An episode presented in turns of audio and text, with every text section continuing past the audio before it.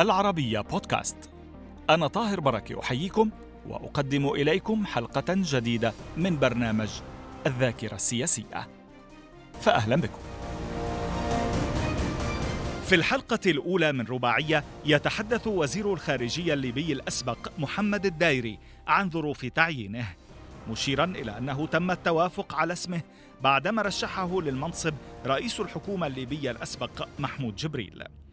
وعن الأسباب التي أدت إلى تقسيم ليبيا بعد إطاحة نظام القذافي يقول الدايري إن الهجومات التي نفذها تحالف فجر ليبيا ومنحه الثقة لحكومة الإنقاذ أدت إلى تقسيم البلاد.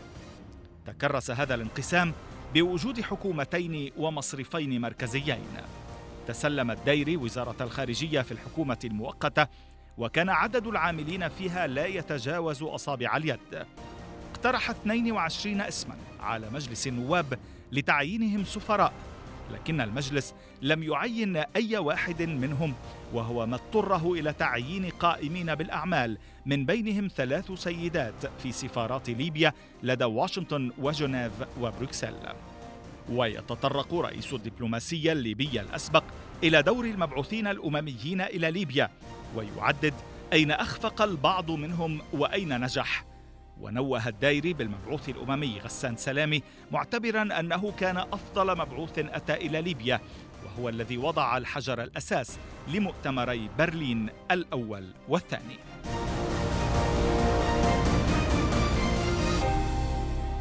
شكرا لانضمامكم إلينا. شكرا للاستضافة أستاذ طاهر أهلا وسهلا بك. أهلا بك، تسلمتم وزارة الخارجية الليبية في الثامن والعشرين من سبتمبر عام 2014 عندما نالت حكومة عبد الله الثني آنذاك الثقة رغم تداول أسماء أخرى.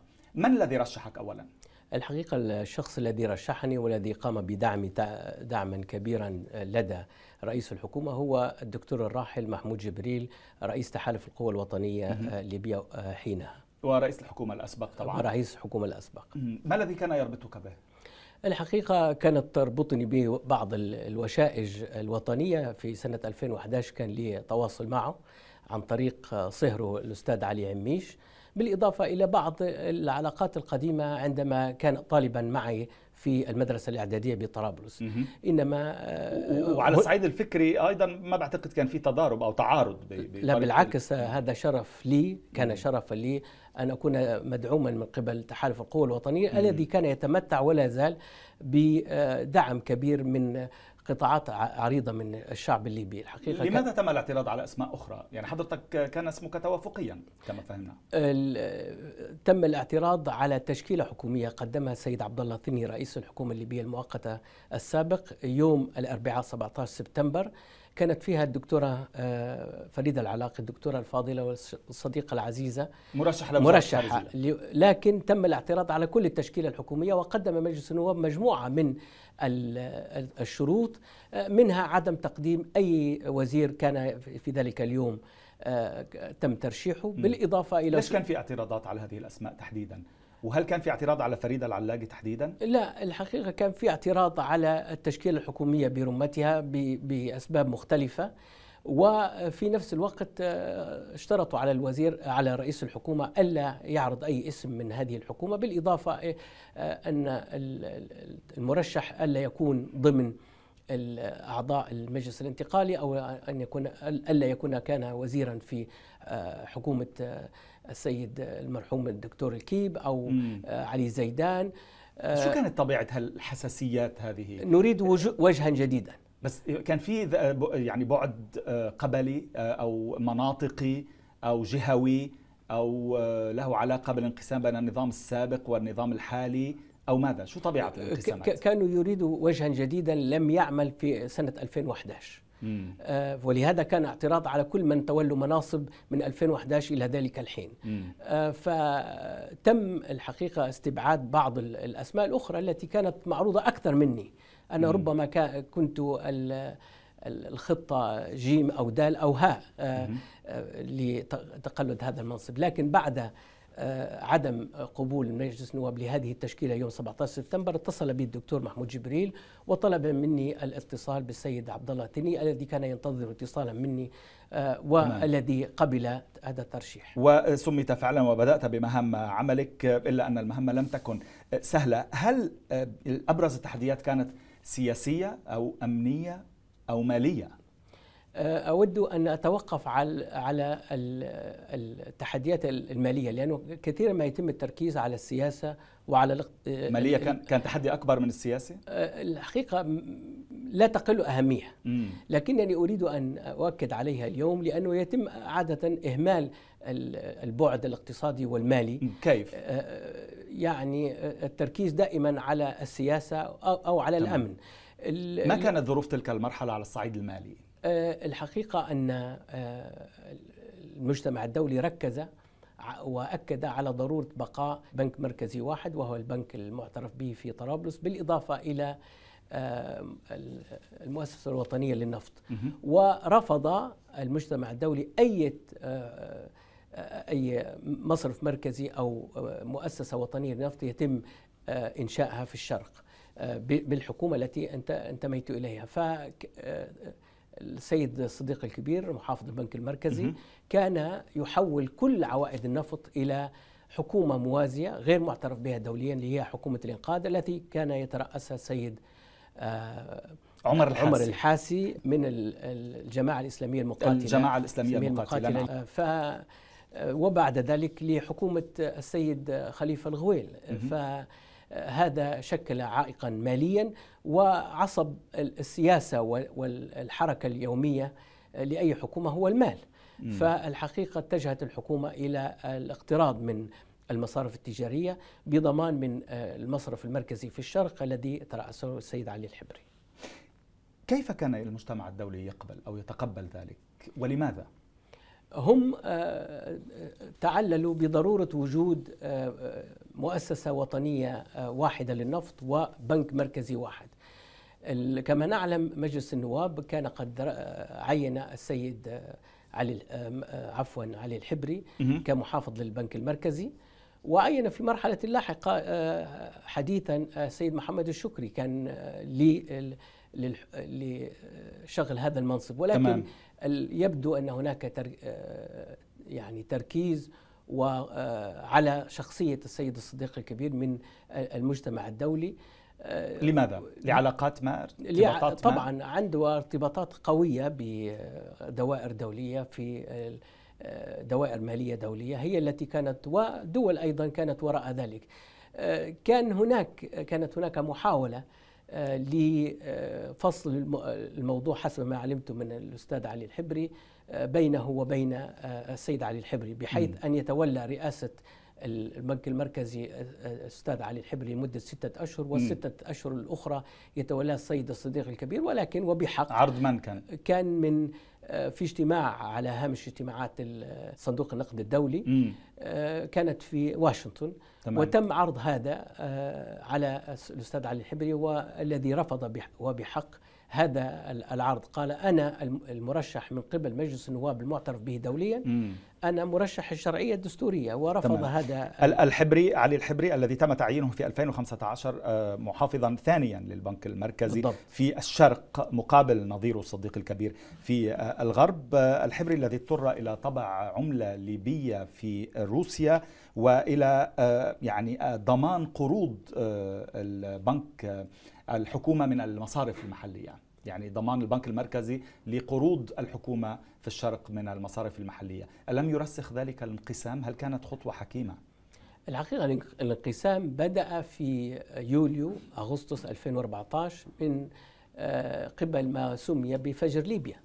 وتولي المؤتمر ما سمي المؤتمر الوطني آه، السابق لمهامة في أغسطس واستمراره في تقلد مهامة بالإضافة إلى آه، تأسيسه وإعطاء الثقة إلى حكومة حكومة الإنقاذ الوطني في سبتمبر 2014 فالحقيقة الانقسام بدأ من ذلك الوقت. آه، الانقسام آه، ترسخ الحقيقة بوجود هاتين الحكومتين وبوجود آه، هذين المصرفين وبحاجة الشرعية الدستورية التي كنا ننبثق عنها مجلس النواب مفهوم. بحاجة إلى مال يمكن أن أن يعني يدفع بعجلة الأمور إلى الأمام من الناحية التنفيذية ومن الناحية التشريعية شو كان الشعور بالشرق؟ هل كان لا يزال شعور التهميش هو الذي يطغى على مشاعر شرق ليبيا من غربها من حكومتها من أدائها؟ الحقيقة ما حدث في سنة 2014 وما تلاه عزز آه، هذا الشعور بالتهميش بال 2014 ولا آه، ولا منذ 2011 تقصد؟ لا هو الحقيقة الشعور بالتهميش كان آه، سابقا لذلك لكن حتى في في في عهود سابقة بالضبط. وفي عقود سابقة يعني بالضبط. موضوع مزمن الموضوع مزمن ولكن يعني الشرق كان عند محاربتنا للطليان كان هناك جهد في غرب ليبيا بطبيعة الحال م. من زعماء وشيوخ قبائل ليبية حاربوا الإيطاليين ولكن الذاكرة العربية والذاكرة الدولية تتوقف عند المرحوم المجاهد عمر المختار.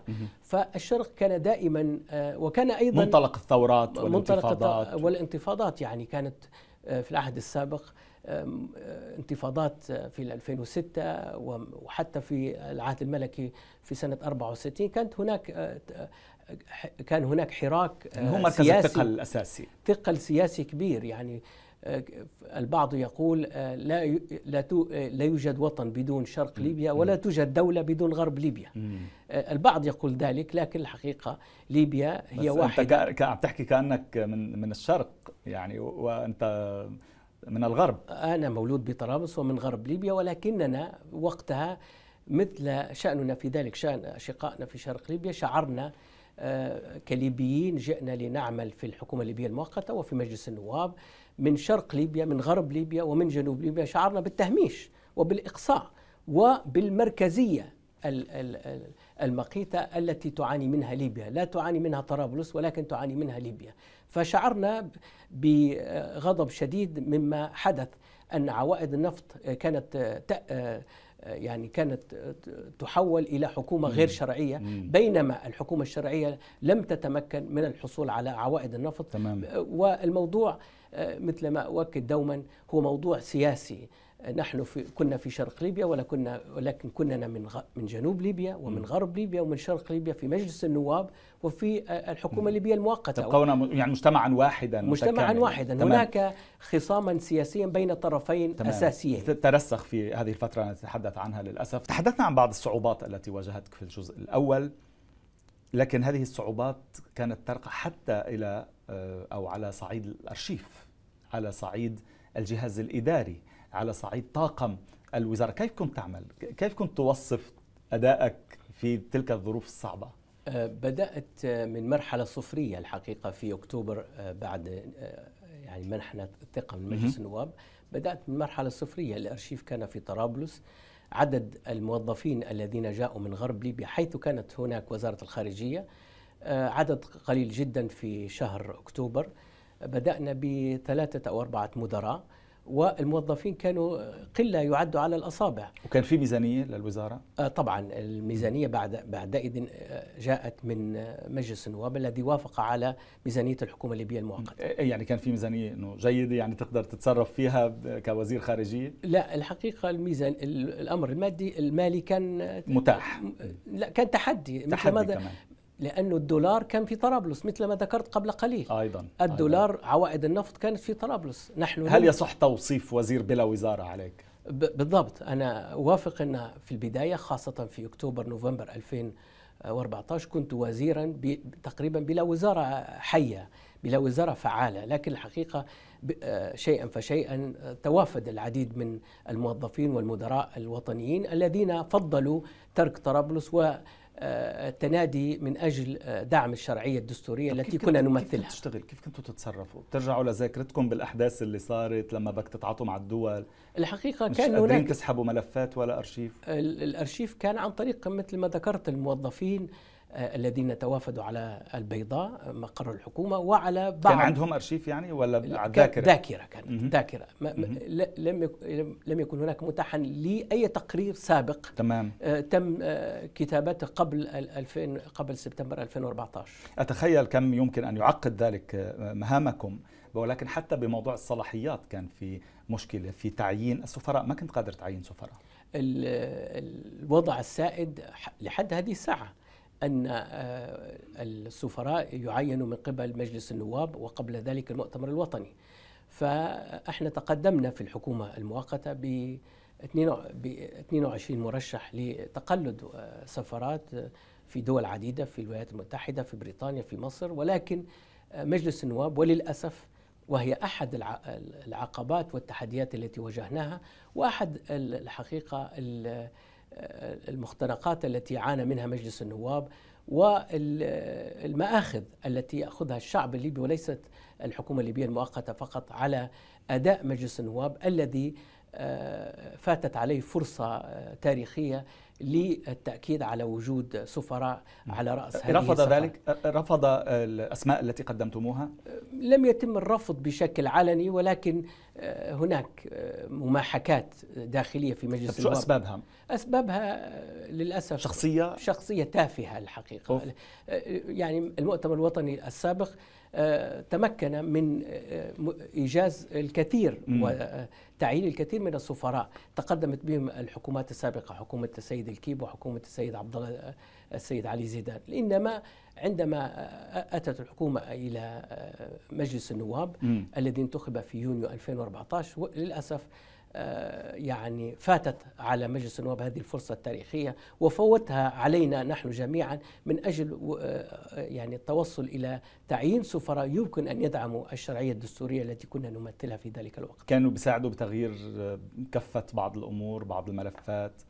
كانوا بيساعدوا الحقيقة كنت أنا يعني لو عينوا أقصد يعني ما آه طبعا. يعني لم يدرك مجلس النواب مدى أهمية ذلك. يعني موضوع كفاءات ما, ما كان في كفاءات لا كانت في كفاءة لا لكي بالمجلس لكي يقدروا أهمية ذلك لكي يبتوا بالموضوع؟ يعني المجتمع آه، يعني في ليبيا الآن آه، له مآخذ كثيرة على مجلس النواب وعلى ادائه الضعيف.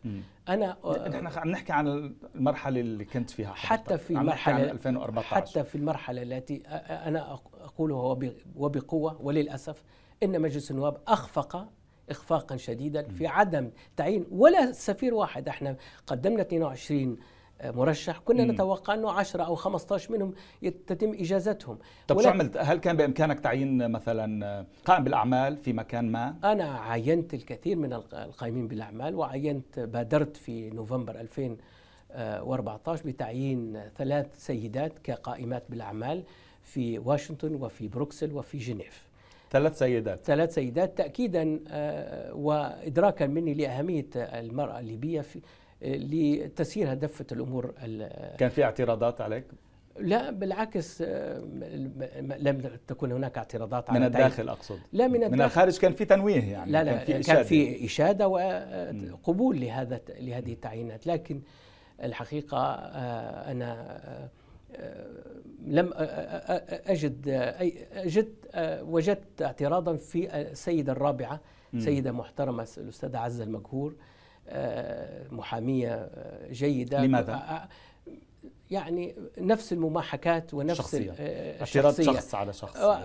وبعض العوائق البيروقراطية بالإضافة إلى بعض العوائق السياسية لأن عينتها في الهند. والهند كانت تعتمد على السفير القائم وقتها هناك السيد علي العيساوي الذي نعم. رفض تسليم السفارة، كانت هناك عوائق بيروقراطية عندنا في طيب. الحكومة ولكن بدون بكل تأكيد تعيين السيدات يعني مهد ل وصول وزيرة خارجية امرأة إلى سدة أنا هذه الوزارة وهي نجلاء المنقوش وزيرة الخارجية أنا أحيي هذا الوصول وأحيي كذلك هذا الأداء المتميز للسيدة نجلاء المنقوش التي تتمتع بذكاء وبقدرات فائقة وبحنكة في إدارة آه، آه، الدبلوماسية الليبية. تمام. أنا سعيد جدا بوجودها على رأس الدبلوماسية الليبية حاليا. في التاسع والعشرين من سبتمبر 2014 تم في غدامس الليبية اجتماع برناردينو ليون المبعوث الأممي مع عدد من النواب وكان يعني بينهم من الأغلبية وبينهم من الإسلاميين. إلى ما كان يحاول أن يؤسس برناردينو ليون في تلك المرحلة التي عدت والتقيت مرارا وتحدثت إليه مرارا وكيف تقيم أداؤه في مرحلته كمبعوث أممي؟ الحقيقة في البداية هو عقد هذا الاجتماع الذي ذكرت حضرتك أستاذ طاهر بين 12 عضو من المشاركين في طبرق غداة حلفنا لليمين في 28 سبتمبر في مدينة غدامس مع 12 عضو من كانوا يمثلون فجر ليبيا. مم. الذين قاطعوا الحضور في في طبرق. كانت بداية طيبة ولكنه بعد ذلك وسع الحوار إلى مجموعات أخرى إلى ممثلي المجتمع المدني وسوى بين تمثيل مجلس النواب المعترف به دوليا والمؤتمر الوطني الذي انتهت شرعيته. لكن بحكم وجود حكومة في طرابلس وبحكم أيضا وجود هذا الخلاف السياسي بين الطرفين وسع من هذا من إطار التفاوض في كيف توصف استراتيجيته اللي عمل فيها؟ وكيف توصف أداؤه؟ الحقيقة أداؤه خاصة في النهاية كان أداء للأسف أثار حفيظة الكثير من الليبيين وأثار حفيظتنا.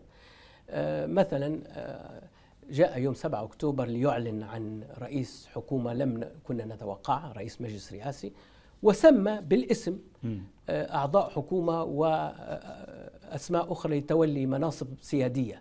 فكان هذا بصراحة انتهاك ل طيب عم تحكي عن تسمية فايز السراج فايز لاحقا. آه. سنأتي إلى ذلك أي. سنأتي إلى ذلك بالتفصيل. مثلا هذا مثل كان بأداء يعني سيء له. في أي شيء يعني أي تقييم آخر لادائه مقارنة بآخرين مثل السيد غسان سلامة مارتن كوبلر بعده ومن ثم غسان سلامة وستيفاني ويليامز بعده بالإنابة.